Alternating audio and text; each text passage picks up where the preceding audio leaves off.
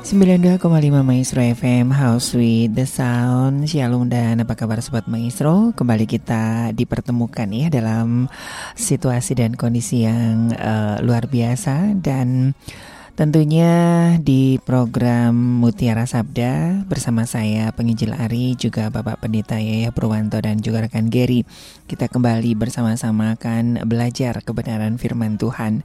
Bagi Sobat Maestro yang mungkin ada pertanyaan ya dalam uh, perenungan harian ya ada ayat-ayat yang mungkin masih bingung ya silakan Anda bisa uh, kirimkan pertanyaan Anda di 081321000925 ya.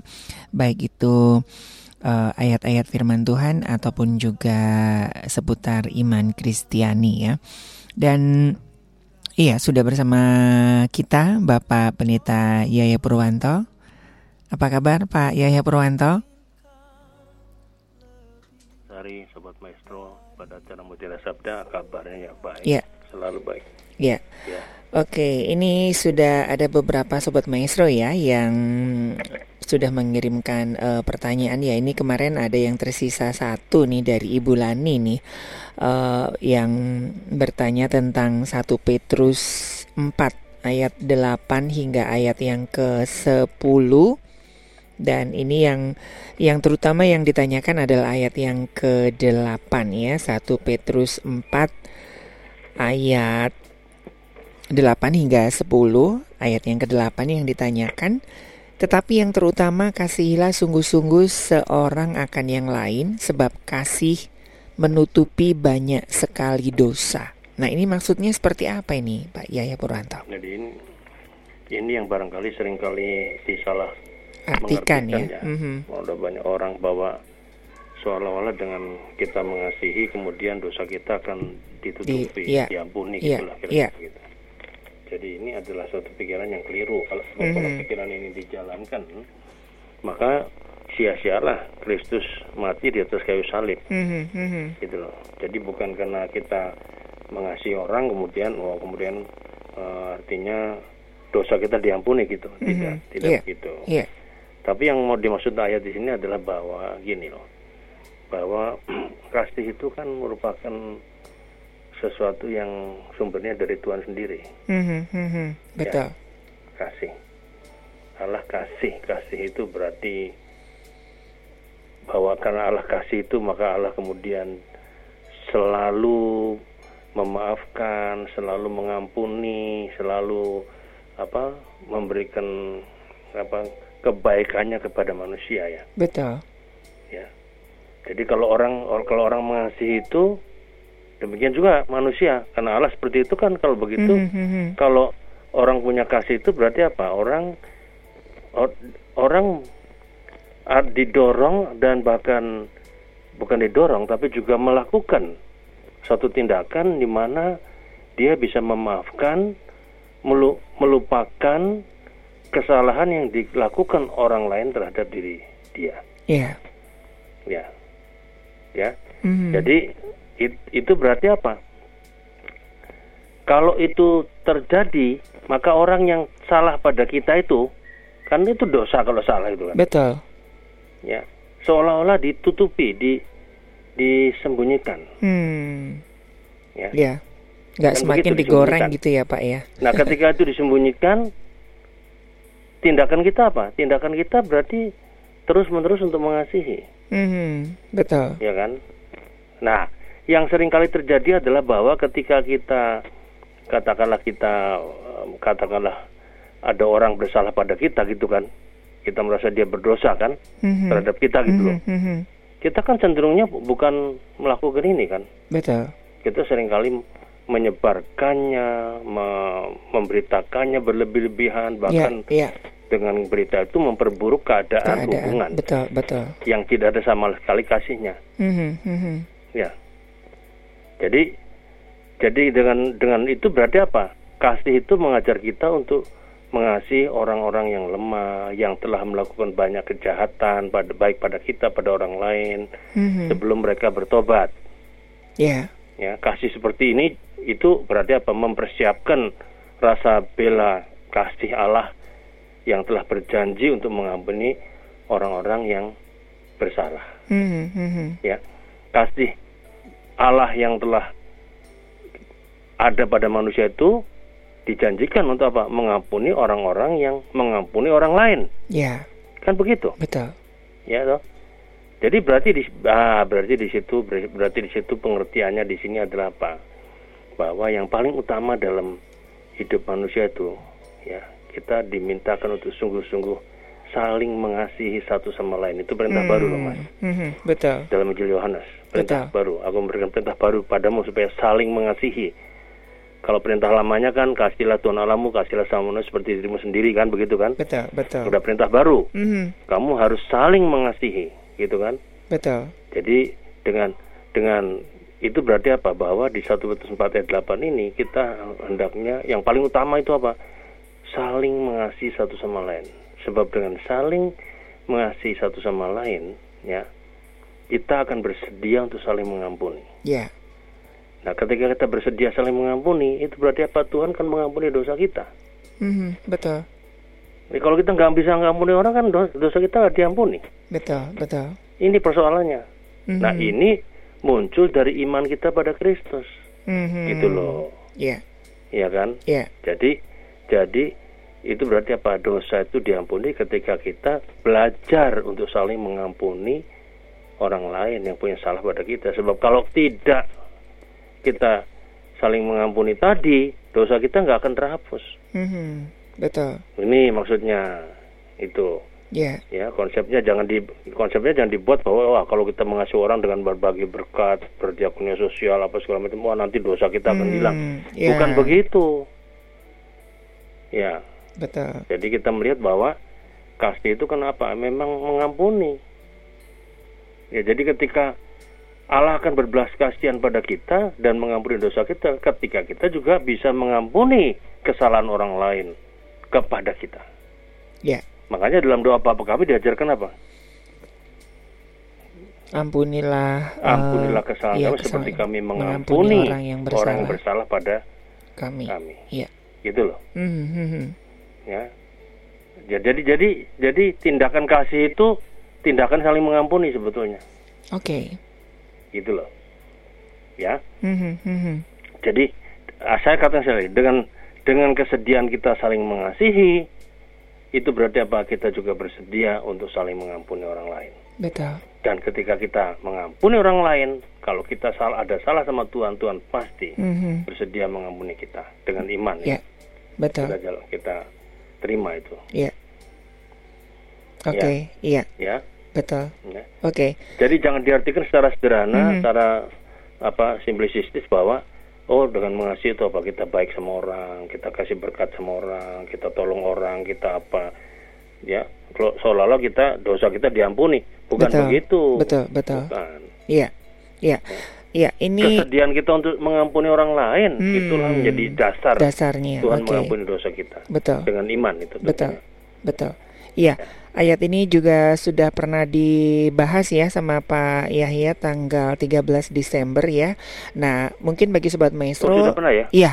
Uh, iya, se uh, ini saya ada catatannya dan mungkin juga mengingatkan bagi sobat maestro yang uh, terlewat ya. Nah, Anda kan punya HP Android nih. Download aja aplikasinya ya di App Store ya. Itu nanti ada logo warna merah, ada download dan salah satunya acara Mutiara Sabda yang sudah dari tahun-tahun kemarin tuh semuanya ada di situ ya. Jadi Anda bisa belajar kembali, dicerna kembali begitu ya. Ini untuk Ibu Ani eh Ibu Ani, Ibu Lani ya. ya uh, jadi, iya. Jadi sekali lagi ditambah mungkin ditambah lagi dikit lagi supaya lebih jelas ya. ya jadi itu berarti apa? Tidak cukup orang Kristen itu tidak berbuat jahat, hmm. diem saja, pokoknya nggak ikut-ikutan, ya. Mm-hmm. Ya kita yeah, sudah yeah. menghormati orang, tapi kita nggak gitu. Kita harus saling mengasihi. Karena Betul. dengan saling mengasihi kita berarti meng- belajar mengampuni kesalahan orang lain pada kita. Nah, mm. yang terjadi kan sering kali bukan kita mengampuni, kan kita makin menggoreng, yeah. menyebarkan, memperburuk keadaan, keadaan orang. Betul, betul karena kita panas kan. Mm-hmm, nah, kalau kita panas begitu yeah. kan Tuhan nggak mengampuni dosa kita biarpun kita minta ampun sama Tuhan. Betul. Dalam iman. Betul. Sekalipun iya. dalam hal ini kita benar ya Pak ya. Iya, iya. Mm-hmm, Oke. Okay. Jadi kalau kita mengampuni kan kita seperti kalau dalam istilah surat Roma apa? Yaitu menumpukan bara api bara api, kepala yeah. istilah yang dipakai. Mm -hmm, Karena mm -hmm. di situ kita belajar yang mengampuni yeah. orang lain. Ya. Ya, betul. Ya. Oke. Okay. Oke cukup ya Ibu Lani okay. ya. Nah uh, tadi Pak Yahya singgung mengenai doa Bapak kami. Ini kebetulan ada sobat maestro juga yang uh, hari ini bertanya ini Pak, ini Pak Yahya. Ini mohon maaf ya tidak menyinggung doktrin atau uh, segala macam ya. Jadi ini ada seorang bapak ini diajarkan untuk menghafal uh, doa Bapak kami agar tidak diganggu roh jahat gitu Pak. Jadi kayak semacam uh, mantra gitu Pak. Oh, jadi kalau kita kalau kalau cuma menghafal pengertian mm -hmm. menghafal doa Gak masalah. Kami, kalau kemudian kita jadikan itu mantra ya tidak tepat. Hmm. Ya, bukan begitu. Iya, iya. Ya. Memang kita harus hafal doa Bapak kami. Betul. Kristen, betul. Ya kan? Sebab itu adalah satu doa yang paling sempurna diajarkan Tuhan Yesus pada kita. Hmm. Nah, mungkin mungkin ada yang mengajarkan demikian, itu bisa juga karena dia memakai memakai kalimat yang ada di bagian akhir hmm. ya kan jangan membawa kami dalam yeah. pencobaan tapi lepas kami daripada yang jahat ya betul ya kan? betul betul ya, betul jangan maksudnya jangan membawa kami diganggu roh jahat tapi hmm. lepaskanlah kami dari kuasa-kuasa itu kalau pengertiannya betul, seperti itu betul. memang benar ya memang memang benar tapi tidak hmm. dengan menghafal loh tidak oh, dengan menjadikan mantra. Mantra, iya. Tidak iya, dengan hanya iya. menghafal, kemudian kita otomatis kalau kita kebaca kalimat itu setan keluar dari diri kita tidak bisa. Mm-hmm. Ya, kita tahu bahwa roh jahat itu atau iblis atau kuasa kejahatan itu adalah terjadi sudah terjadi sejak manusia jatuh dalam dosa kan. Mm-hmm, betul. Iblis yang menguasai dunia, ya, uh, yang selalu ada di bumi, yang menjadi pasukan, yang mimpin pasukan-pasukan roh jahat yang apa namanya bisa memperdayai dan menawan mhm, orang-orang mm -hmm. yang memang imannya tidak imannya ragu-ragu yeah. atau bahkan tidak beriman sama sekali itu gampang dikuasai kuasa itu mm. ya karena kalau kita sungguh-sungguh punya iman yang cukup kuat ya dewasa itu kita pasti punya kuasa itu ya okay. itu sebabnya di dalam Alkitab dikatakan apa bahwa iblis itu seperti kuasa roh jahat atau yeah. iblis itu seperti singa, singa yang mengaum-ngaum yang, yang siap menelan mangsanya kan membinasakan hmm. kita ya membinasakan yeah. dalam arti apa kita ah, jatuh dalam dosa kan mm-hmm. jadi iblis akan secara rohani membinasakan kita ya untuk meninggalkan perlindungan Tuhan ya mm-hmm. Mm-hmm. ya yeah. Yeah. tapi kan begitu begitu kita percaya lagi sama Tuhan dalam iman kita ya pada Kristus yang sudah mati di salib itu maka kemudian kita dilengkapi dengan apa perlengkapan rohani mm-hmm. ya karena dan ketika kita diperlengkapi dengan perlengkapan rohani maka roh yang ada dalam diri kita itu lebih besar daripada roh yang ada dalam dunia Dunia. mana pun okay. termasuk roh jahat mm-hmm. yaitu ada di satu mm-hmm. Yohanes 4 ayat yang keempat betul ya kan betul. ada di yeah. situ kan iya Nah, sebab itu yang diperlukan apa? Bukan mantra tadi, mm-hmm, bukan mm-hmm. hafal doa Bapak kami oke. Okay. Yeah. Tapi hafalnya bukan untuk mantra. Hafal dan ketika kita masuk ke ayat uh, kalimat jangan bawa kami dalam pencobaan lepaskan kami dari jahat itu di situ kita betul-betul mengimani mm. janji Tuhan yang tadi saya sebutkan kan? Iya, yeah, iya. Yeah bahwa roh dalam diri kita lebih besar daripada besar, yeah. roh dunia mana pun juga kan kita punya perlengkapan rohani mm-hmm. asal iman kita mm-hmm. kuat kan mm-hmm. begitu betul betul ya yeah. karena itu di dalam 1 Petrus 5 ayat 8 sampai 10 dikatakan karena singa mengaum seperti singa yang mengaum-ngaum maka sebetulnya itu orang Kristen harus melawannya dengan iman itu yang benar hmm. jadi menangkalnya bukan dengan mantra hafal tadi ya tapi melawannya dengan iman dan ke, artinya ketika kita mengucapkan doa Bapa kami itu ya pada kalimat jangan bawa ke dalam percobaan lepas dari yang jahat itu kita betul-betul mengimaninya sungguh-sungguh hmm. mempercayakan itu pada Tuhan Yesus ya yeah. ya betul betul ya, kenapa harus pakai iman karena iblis itu roh jahat itu adalah artinya lebih tinggi dari manusia itunya hmm. derajatnya karena iblis itu kan sedikit lebih rendah dari malaikat kalau di Ibrani pasal 27 Yeah. Dikatakan. Ya toh? Mm-hmm. Betul. Manusia sama juga sedikit lebih rendah dari malaikat. Ya. Yeah. Sama jadinya. Tapi oleh karena eh, iblis itu adalah kita sering kali mengatakan itu adalah karena pelayan Tuhan yang apa uh, apa namanya tidak lagi mau nurut sama Tuhan kan begitu kan? Mm-hmm. Lalu jadilah dia iblis kan yang selalu menentang Tuhan. Ya. Yeah. Ya gitu.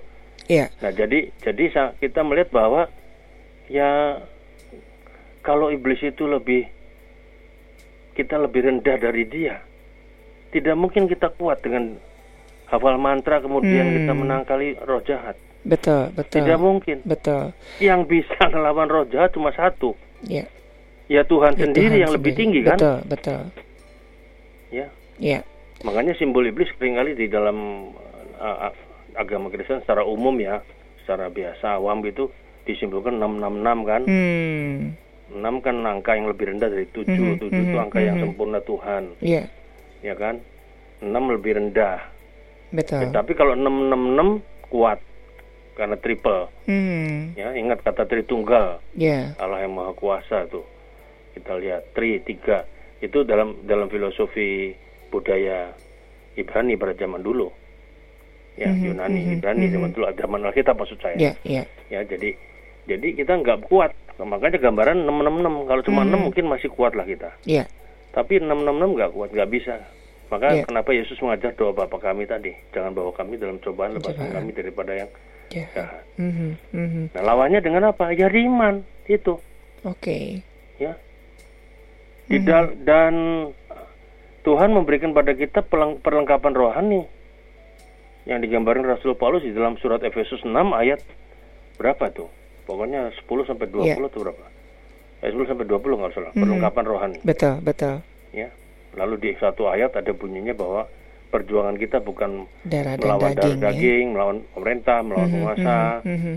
ya, melawan penghulu-penghulu, ya, dunia yang dan juga melawan roh-roh di udara, di udara, ya, ya kan? Mm -hmm. Maka kita mesti mengenakan perlengkapan senjata, senjata Allah. Allah. Perlengkapan yeah. rohani yeah. tadi. Iya. Ya. Oke. Okay. Dan jangan lupa. Mm-hmm. Ya, jangan lupa ini yang paling penting. Saya tadi sudah mengatakan di 1 Yohanes 4 ayat 4 bahwa apa roh yang ada pada kita Jauh kalau hubungan kita ya? dekat dengan Tuhan intim banget. Ya. Mm-hmm. Betul-betul intim. Maka doa Bapa kami itu betul-betul akan kita hayati dan itu berarti apa? Tuhan itu akan memprotek kita. Yeah. Roh yang ada pada kita lebih besar daripada roh mana pun yang ada di dalam dunia. Andai kata kita hampir kalah seperti Ayub dicobai oleh iblis. Tapi dia menang pasti. Hmm. Itu loh. Iya. Ya kan? Iya, betul. Kenapa? Karena Tuhan ada di pihak kita. Mm-hmm, mm-hmm. Ya, asal jangan berbuat dosa saja. Iya. Seperti Ayub. Mm-hmm. Ya ketika kita mengalami hal itu, betul ketika ada pencobaan dari kuasa iblis bisa aja terjadi pada kita. Ya tapi asal kita dengan iman kuat. Betul. Hubungan kita dengan Tuhan intim. Ya. Ya. Ya. Itu berarti apa? Roh yang ada pada kita jauh lebih besar daripada roh yang ada dalam dunia. Mm -hmm. Iya, ini sangat apa sangat menarik ya doa Bapak kami ada beberapa yang uh, sampai dibuat eksegesis dan juga seminar. Nah, yang saya ingin tanyakan juga Pak Yahya, apa sih sebetulnya esensinya doa Bapak kami dalam uh, kehidupan umat percaya supaya uh, jemaat tidak salah kaprah atau kan sering kali kita menggunakan doa Bapak kami ini hanya sebagai penutup doa gitu Pak biasanya Pak. Ya bukan cuma itu sebetulnya kan mm -hmm. saya tadi sudah mengatakan bahwa memang itu kalau dipelajari secara mendalam itu bisa diterangkan dengan panjang lebar yeah. tentang doa Bapa yeah. kami itu tiap bagian ayat mm-hmm. kalimat-kalimat itu ada artinya yeah. dari mulai kata Bapa kami yang di surga di segala macam mm-hmm. itu mm-hmm. memang begitu tetapi begini doa Bapa kami itu adalah doa yang sempurna kenapa karena itu yang itu yang diajarkan Yesus Yesus kepada uh, para muridnya. Murid-muridnya waktu ya. itu ya. Iya. Karena para muridnya melihat Yesus kok doanya doanya lain.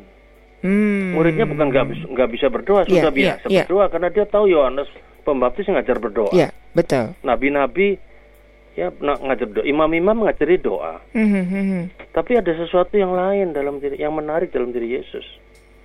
Makanya sampai dia para murid ber, meminta, ajarkan, ya, meminta ajarkan, khusus. Ya.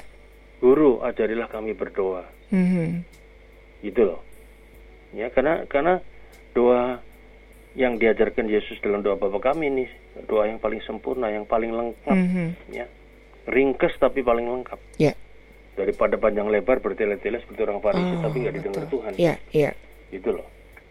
Jadi kita melihat bahwa di situlah sebetulnya Tuhan mengajarkan pada kita sungguh-sungguh luar biasa. Mm-hmm. Ya kan? Yeah. Mengapa luar biasa? Karena di dalam doa Bapa kami itu di situ semua aspek kehidupan jasmani, rohani ya yang yang menjadi kepentingan kita mm-hmm. itu semua lengkap lengkap di doa Bapa kami. Di doa Bapa kami. Mm-hmm. Ya. Oke. Okay. Itulah sangat lengkap. Mm-hmm. Ya. Lengkap sekali. Yeah. Ada yeah. kita melihat ini, di situ ada apa namanya bagian awalnya ya di situ hmm. ada kata-kata pujian, yeah. ucapan syukur, Bapa kami yang di surga, dikuduskanlah yeah. namamu, datanglah kerajaanmu. Itu semuanya adalah merupakan bagian daripada kita e, menyembah Tuhan, mm -hmm. rasa hmm. hormat yang tinggi. Mm -hmm. Kita menyebut Bapa kami, bukan Bapa saya. Mm. Karena kita bersama seluruh yeah. umat, umat manusia. Yeah. Ya. Di surga, nah itu tempat wilayah yang lebih hakikatnya nggak sama dengan kita, mm-hmm. ya kan? Kita di dunia kan? Betul. Itulah. Jadi itu lebih tinggi lagi mengatasi dunia ini. Lalu kemudian dikudus namamu itu ada itu adalah satu satu gambaran bahwa di bagian awal aja kita sudah diingatkan kita tuh jadi orang Kristen itu harus selalu memuliakan Tuhan, menguduskan nama Tuhan. Hmm. Jangan yeah. mencemarkan, jangan main-main, jangan anggap sepele. Jadi ini ini luar biasa.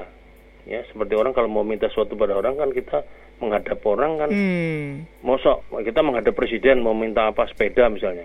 Yeah. Mosok kita uduk-uduk nyelonong aja. Pak presiden minta sepeda yang enggak begitulah. Iya. Ya. Betul, ada sopan betul. santunnya. Mengajarkan kita hidup dalam penyembahan, dalam dalam pengudusan. Mm-hmm. Pengudusan Tuhan dalam hidup kita, ya kan kita kira-kira begitu. Nah, tapi di samping itu juga ada, ada kalimat datanglah kerajaanmu, itu artinya apa? Kita sampai kita, kerajaan Allah sudah datang dalam diri Yesus, tapi mm -hmm, belum sempurna. Mm -hmm, kita mm -hmm. menunggu kesempurnaannya. Ya, karena kita selama kita masih di dunia, kerajaan Allah itu selalu di apa di teror, digoda, dihabisin uh, oleh kuasa roh jahat ini. Selalu ada upaya-upaya itu. Mm -hmm. Jadi sehingga orang selalu jatuh dalam pencobaan kan begitu. Iya. Ya kan? Kita rindu itu kerajaan Allah yang sempurna datang itu nanti. Mm-hmm. Gak ada gitu lagi. Satu suatu, suatu keadaan di mana Tuhan betul-betul jadi raja atas seluruh apa alam semesta ini dan kita sudah masuk kemuliaan Tuhan dan situlah kita menjadi orang-orang yang ada dalam kerajaan Allah yang sempurna. Hmm. Tidak ada sakit, tidak ada susah, yeah. tidak ada apa, tidak ada ya, tidak ada semua. Betul. Ya, kita rindu itu. Mm-hmm. Ya kita rindu dalam tanda petik mendatangkan kerajaan Allah. Kerajaan, kita, yeah. Kalau kita rindu seperti itu, maka diri kita itu harus selaras dengan upaya ini. Mm-hmm. Jangan kita datanglah kerajaanmu, kita jadi orang yang yeah. menipu orang, jadi orang yang suka berzina, jadi orang yang uh, sembrono, jadi mm-hmm. orang nggak tanggung mm-hmm. jawab, yang nggak cocok dengan kalimat datanglah kerajaanmu.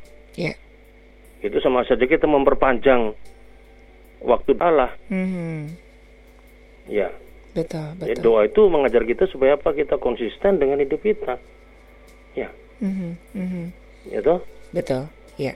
Itu mm-hmm. itu yang yang harus kita lakukan. Betul. Jadi jangan sampai kita berdoa datanglah kerajaanmu tetapi hidup kita tidak pernah memuliakan Tuhan. Hmm. Iya dengan cara yang nggak benar semuanya. Yeah. Jadi Kristen Kristen nggak benar lah kira-kira gitu. Mm -hmm. Ya. yeah. jadi Kristen tapi tetap berkanjeng dalam dosa terus nggak mau ada pertobatan nah itu berarti tidak selaras dengan kalimat datanglah kerajaan Datang, tadi yeah. ya ini penting mm-hmm. nah mm-hmm. kalau itu sudah terjadi semuanya dalam ucapan yang pertama ini tentang bagaimana penyembahan kita pada Tuhan dan penghormatan kita pada Tuhan lalu kita meminta ya toh mm-hmm. permintaannya yeah, apa yeah. ya berikanlah ya, kami hari ini ya, pada kami makanan yang secukupnya. secukupnya makanan yang secukupnya makanan ini kan ya sebetulnya makan minum lah sebetulnya mm-hmm, tapi kan mm-hmm, makanan cukup. Mm-hmm, sebetulnya itu keperluan untuk jasmani kita. Tuhan tahu bahwa kita memerlukan yang jas jasmani ya ya. Makanan di sini menyangkut segala semuanya bahkan termasuk pekerjaan segala macam. Karena mm-hmm. kalau kita bisa makan kan karena kita harus ada uang kerja segala macam itu kan di dalamnya permintaan jasmani. Betul. Iya toh? Betul selama kita di dunia kita perlu hal yang jasmani mm-hmm. tapi yang cukup cukup itu bukan cuma sekedar berlebih tetapi cukup itu menurut ukuran Tuhan kepada kita mm-hmm. ya ya yeah kalau kita misalnya sebagai katakanlah sebagai seorang biasa tingkat pendidikannya cuman SD ya, kerjanya biasa kita nggak bisa berdoa Tuhan saya pengen jadi presiden hmm. ya nggak bisa yeah. Nah kalau Tuhan akan mengatakan pada kita nak kalau kamu jangan mau jadi presiden tingkatkanlah kapasitasmu mm-hmm. tingkatkan kapasitas apa Tuhan ya kapasitas sekolahmu kapasitas uh, semua hal yang menyangkut supaya bisa sampai ke sono. Betul, betul. Kalau kalau enggak, yeah. kalau kita kita nggak bisa secara mujizat langsung ujuk-ujuk jadi presiden. Presiden, betul. Dengan minta itu nggak bisa, Mas. Betul. Ini sama kayak tema Radio Maestro bulan ini, Pak. Jadi memperbesar kapasitas. Oh iya, saya malah nggak terlalu mm -hmm, mm -hmm, Oke, okay. mm -hmm. ya. Iya. Ya. Jadi kapasitas yeah, besar. Iya, betul. Baru Tuhan akan datang. Yes. Ya, kita misalnya berdua minta mobil Porsche. Hmm. Tapi beli bannya aja nggak bisa kita. Ya. Ya gimana? Garasinya aja nggak punya pak. Ya iya, beli bannya aja kita. Andai kata baja bocor nanti kita nggak -hmm. bisa, nggak sanggup mas. Betul. Tingkatkan dulu semuanya yang berhubungan dengan itu tadi. Hmm. Ya, artinya dengan seluruh kemampuan ya. kita, karunia kita, kita belajar untuk membuat bagaimana hmm. kita bisa mencapai tingkat kesejahteraan yang lebih besar. Hmm. Oke. Okay. Ya kan? Ya. Bukan yeah. dengan cara ngoyo, bukan dengan hmm. cara yang jujur, yang baik, yang memuliakan Tuhan, yang semuanya jangan sampai salah. Hmm. Jangan, jangan sampai korupsi-korupsi gitu kan? Iya. Yeah. Itu nggak benar kalau sudah sampai ke situ. Ya. Nah itu ya jadi ini makan minum ini termasuk keperluan jasmani lah semuanya mm -hmm. itu hanya mm -hmm. itu hanya gambaran bahwa oh makanan zaman dulu kan orang nggak yeah. me me memerlukan mobil Thomas mm -hmm. sepeda aja juga iya. nggak yeah. perlu zaman dulu orang jalan kaki kok iya yeah. ya soalnya itu kebutuhan pokok ya pak ya makan iya makanan ya. sehari-hari lah yeah. makan asal makan minum cukup mhm, sudah mm -hmm. betul punya lebih berkat besok terima kasih Tuhan mm -hmm kesusahan sekali cukuplah untuk sehari Sehari. zaman dulu loh mas betul, bukan zaman betul, sekarang betul ya nah nah zaman sekarang karena orang banyak maunya banyak juga hmm. yang terlibat dalam dosa kan hmm. karena banyak hal yang nggak benar yang dilakukan yeah. ya nah lalu yang kemudian berikutnya apa? Ya ke, manusia itu kan terdiri dari jasmani tapi juga yang rohani. Yang rohani apa? Ya itu tadi. Ya Mengampuni, kita ini kan ya? manusia berdosa. Hmm. kita mau mohon diampuni. Hmm ya. Bahwa kalau kita nggak diampuni buat apa kita? Ya. Jalan hidup ini. Kita nanti seperti, seperti robot seperti binatang nanti. Mm-hmm. yang kita kan beda dengan manusia dengan binatang atau makhluk lain yang dibawa kita.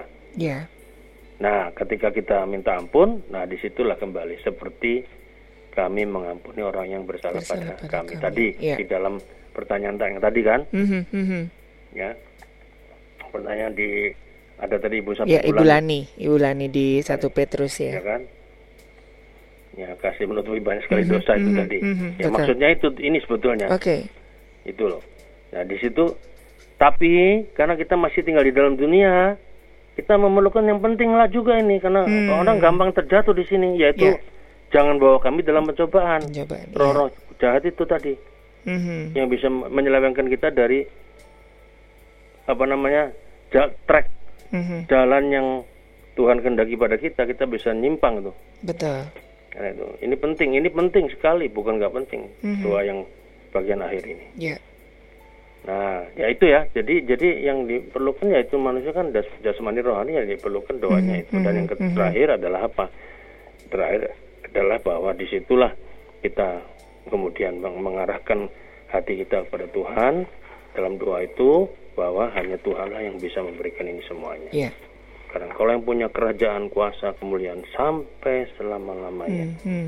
Artinya apa? Kita yakin bahwa Engkau adalah Allah yang Maha Kuasa ya Yehova yeah. Sebaot yeah.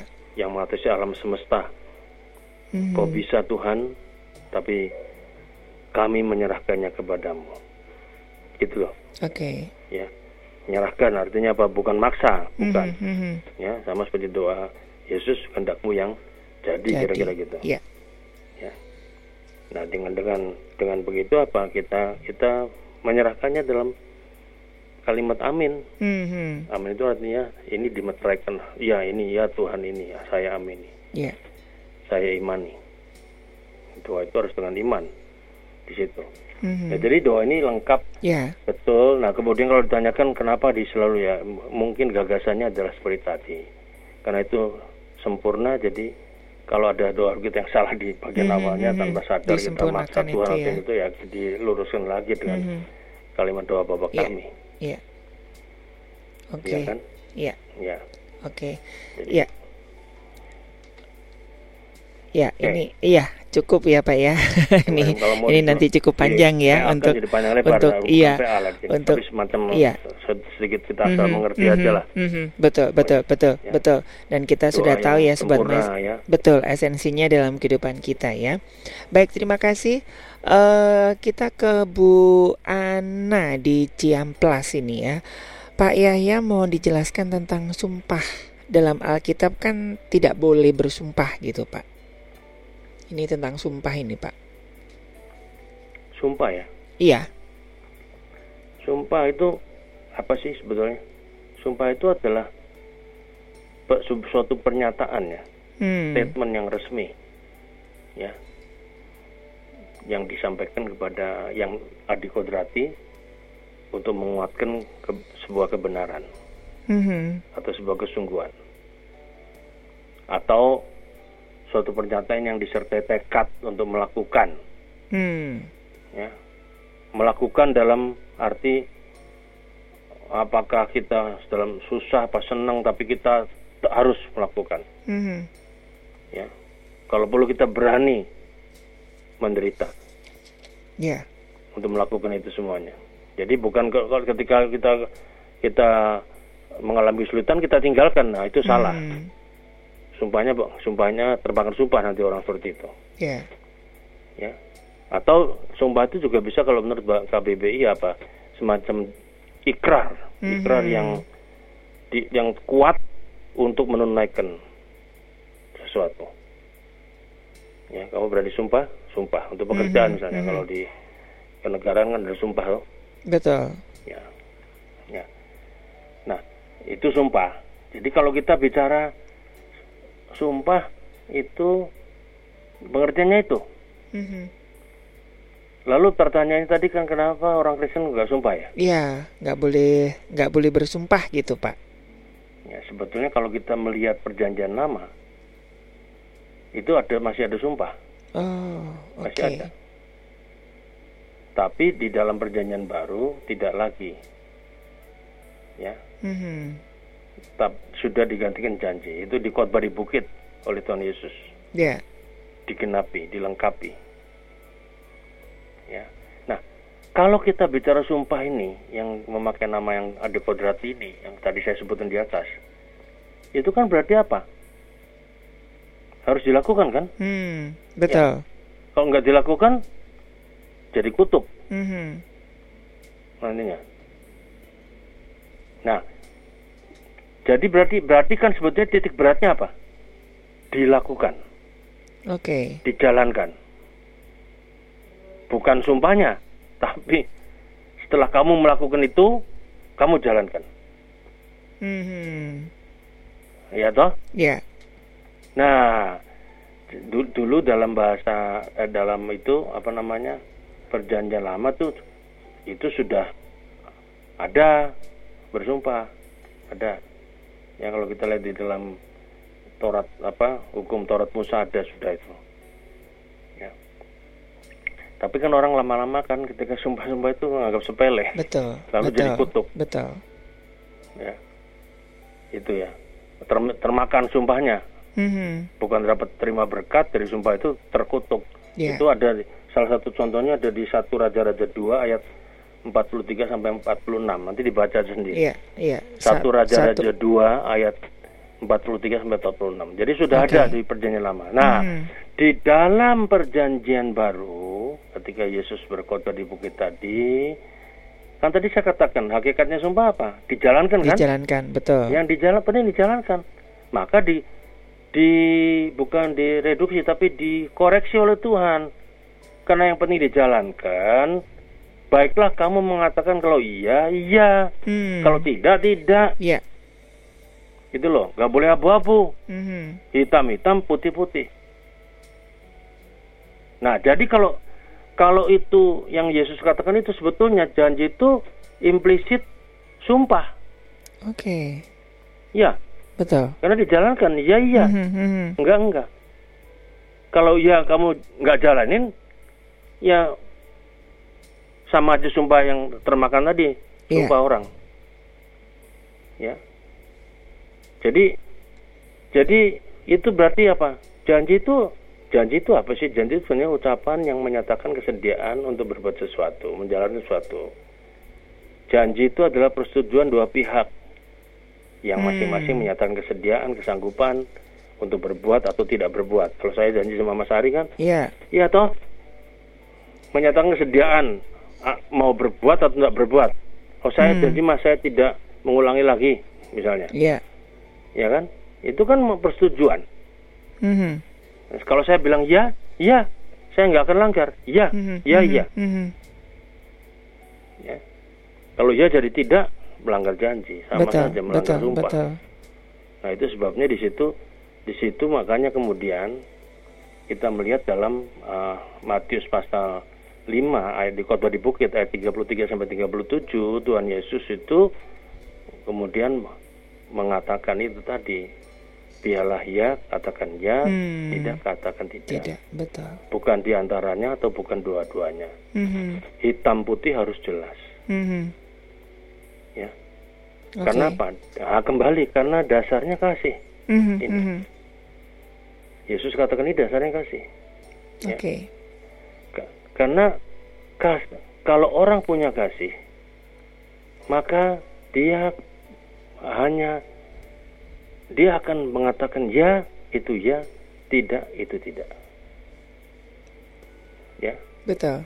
Itu kasih kalau orang nggak punya kasih, orang punya jahat, orang nakal, ya enggak, ya mm-hmm, ya bisa mm-hmm. tidak, tidak bisa iya. Betul. Iya. Salah jadi benar, benar jadi salah. Ya. Mm-hmm. Maka dalam perjanjian baru ketika Yesus mengorek menggenapi ini, maka tidak lagi orang orang percaya pada Tuhan itu bersumpah, melainkan berjanji. Hmm. Soalnya kalau di pemerintahan kan kalau presiden sedang melantik orang yeah. beragama Kristen itu cukup janji. Betul.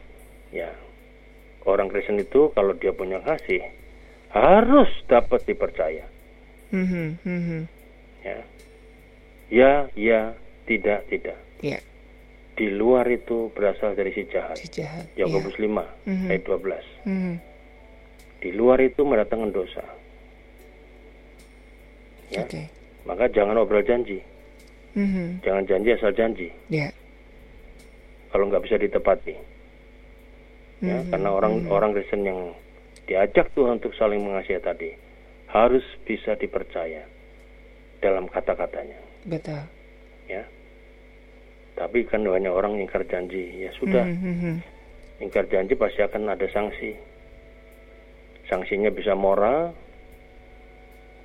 dari masyarakat, bisa nggak dipercaya seumur hidup, hmm. hmm kan bisa sama ya, masyarakat. Iya, betul, betul. Tapi juga bisa Tuhan nanti akan menghukum kalau dia nggak merasa berdosa. Oke. Okay. Ya janji nggak ditepati ya kan dosa sebetulnya. Mm -hmm. nah, orang itu nganggap biasa aja, nggak pernah yeah. bertobat yeah. ya pasti akan ditagih Tuhan.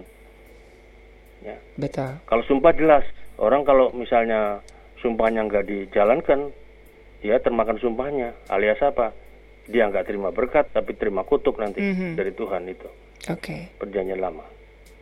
Ya. Yeah ya kan satu mm -hmm. raja dua ayat mm -hmm. tadi saya katakan 43 sampai 40. 40. Nah, di sinilah yeah. perbedaan antara anu. tapi hakikatnya sama yaitu tadi dijalankan. Hmm. Orang sumpah itu apa? Ya dijalankan yang penting kan? Iya, bukan hanya diucapkan ya. ya bukan cuma ya? diucapkan. Ya. Janji juga sama. Mm -hmm. Ya, kalau kamu ya jalankan. Itu jangan yeah. jangan tidak menjalankan. Sama hakikatnya. Ya. Karena dasarnya apa kalau Yesus melakukan itu? Kembali lagi dasarnya adalah kasih kan. Kalau Allah itu kasih, kita juga dituntut untuk saling mengasihi. Jadi kalau mm-hmm. orang Kristen yang mengasihi itu, itu harus orang yang dapat dipercaya perkataannya, yeah. termasuk janjinya. Itu loh. Mm-hmm. Ya, gitu mas. Oke. Okay. Iya, ini semoga bisa dipahami ya untuk uh, sumpah ya Bu Ana ya. Oke, kita mungkin masih ada waktu 5 menit lagi ya ini uh, ke Pak Yakub ini benar ya, Pak Yakub ya. Pak Yahya, apa yang dimaksud dalam Matius 18 ayat yang keempat? Saya akan membacakannya Matius 18 ayat yang keempat. Ini kalau baca dari dari perikopnya siapa yang terbesar dalam kerajaan sorga.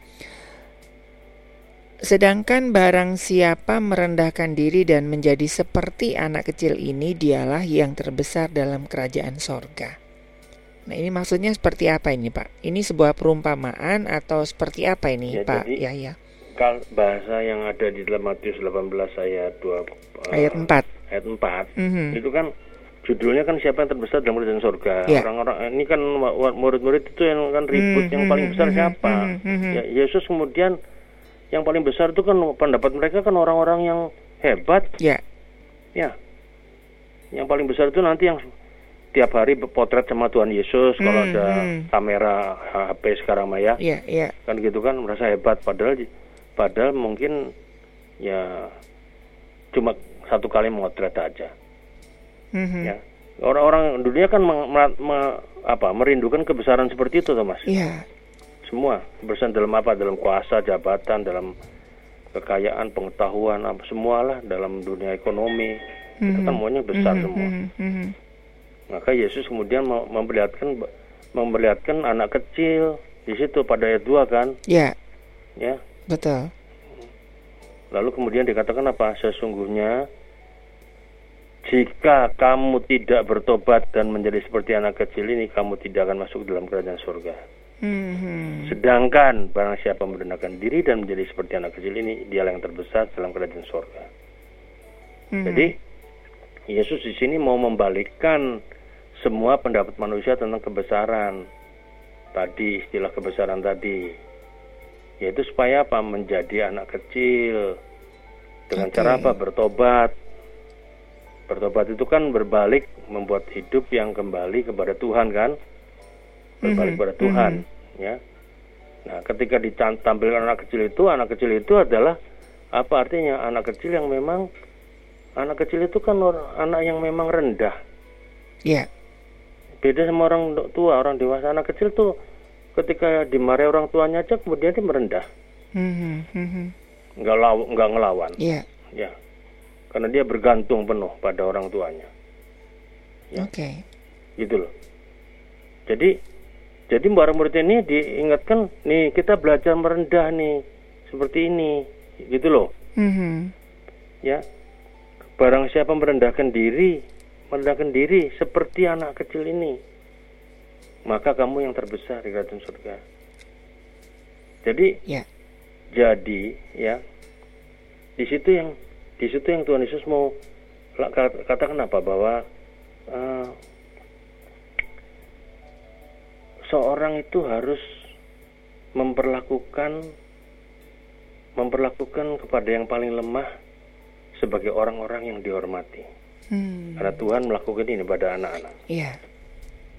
ya anak-anak yang lemah itu yang paling lemah itu dalam kehidupan ma masyarakat nggak dianggap sebagai benda yang dipakai buat keuntungan pribadi Yesus mm -hmm. bukan kita kan sering kali yeah. kita kan sering kali memperlakukan orang lemah Betul. itu bukan dihormati yeah. tapi dipakai untuk keuntungan kita kan yeah. ya ingat di Injil Matius pasal 25 ayat 40 ketika aku lapar, ketika hmm. aku hina, ketika kau di penjara, engkau tidak melawat aku kan? Ya, yeah, ya. Tidak memberi makan aku, kata Yesus gitu kan? Kapan guru lapar? Ya ketika kamu pada orang-orang lemah itu, kalau kamu berdiakonia sosial, kamu berarti melakukannya untuk aku. Jadi, jadi di situlah yang dimaksudkan itu. Mm-hmm. Kalau mm-hmm. mau masuk kerajaan surga, ya kita mesti melakukan itu. Oke. Okay. Seperti anak kecil mm-hmm. ini. Mm-hmm. mm-hmm bertobat dan menjadi seperti anak kecil. Ya. Coba perhatikan anak kecil kalau misalnya marah atau segala macam ya, dengan begitu mudahnya mereka akan merendahkan diri dan kemudian balik lagi berkawan. Mm -hmm. Itu anak-anak. Ya. Kita belajar seperti itu. Ya. Mm -hmm. Tanpa kita belajar seperti itu, kita nggak pernah masuk. Dan di situ diperlukan pertobatan buat orang dewasa. Mm -hmm. Oke. Okay. Ya. Ya. Karena orang dewasa yang nggak mudah. Mm -hmm. Kalau anak-anak mudah, Ya. Ya, tadinya bermusuhan, besok sudah balik lagi, hmm. sesama menyapa lagi di sekolah. Betul, betul. Anak-anak. Kenapa? Okay. Dia karena ya, perendahan dirinya itu cukup. Hmm, hmm, hmm. Orang tua itu perlu bertobat untuk seperti itu. Hmm. Okay. Karena egonya tinggi kan? Betul.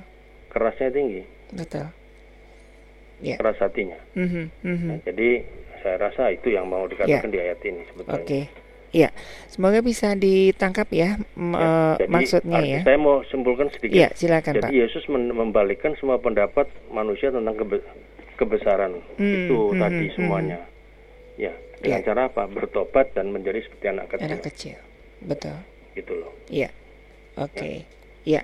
Oke, terima kasih buat Pak Yakob ya. Ini ada Pak Harli nanti kita coba bahas di minggu depan ya. Karena ini baru datang uh, eh, WA-nya ya. Dan bagi Anda yang mungkin ketinggalan materi-materi yang disampaikan di Mutiara Sabda, Anda download aja aplikasinya ya. Anda kan punya HP Android jadi tinggal aja di App Store, nanti Anda download dan Anda bisa mendengarkan kembali uraian Bapak Yahya Purwanto di uh, Mutiara Sabda, di MGM dan semua acara-acara yang uh, disiarkan di Radio Maestro. Sekali lagi terima kasih buat Pak Pendeta Yahya Purwanto. Ya, terima ya. kasih Sobat Maestro juga semuanya. Ya. Mas, Mas Ya. Mas Heri, Mas Ari semua Tuhan ya. berkati ya. Amin, amin. Ya. Baik sobat maestro dari Gra Maestro Jalan Kaca Piring 12 Bandung, saya penginjil Ari, Pak Pendeta ya Purwanto dan juga rekan Gary mengundurkan diri dari program Mutiara Sabda. Kita ketemu lagi di program Mutiara Sabda minggu depan. Tuhan memberkati.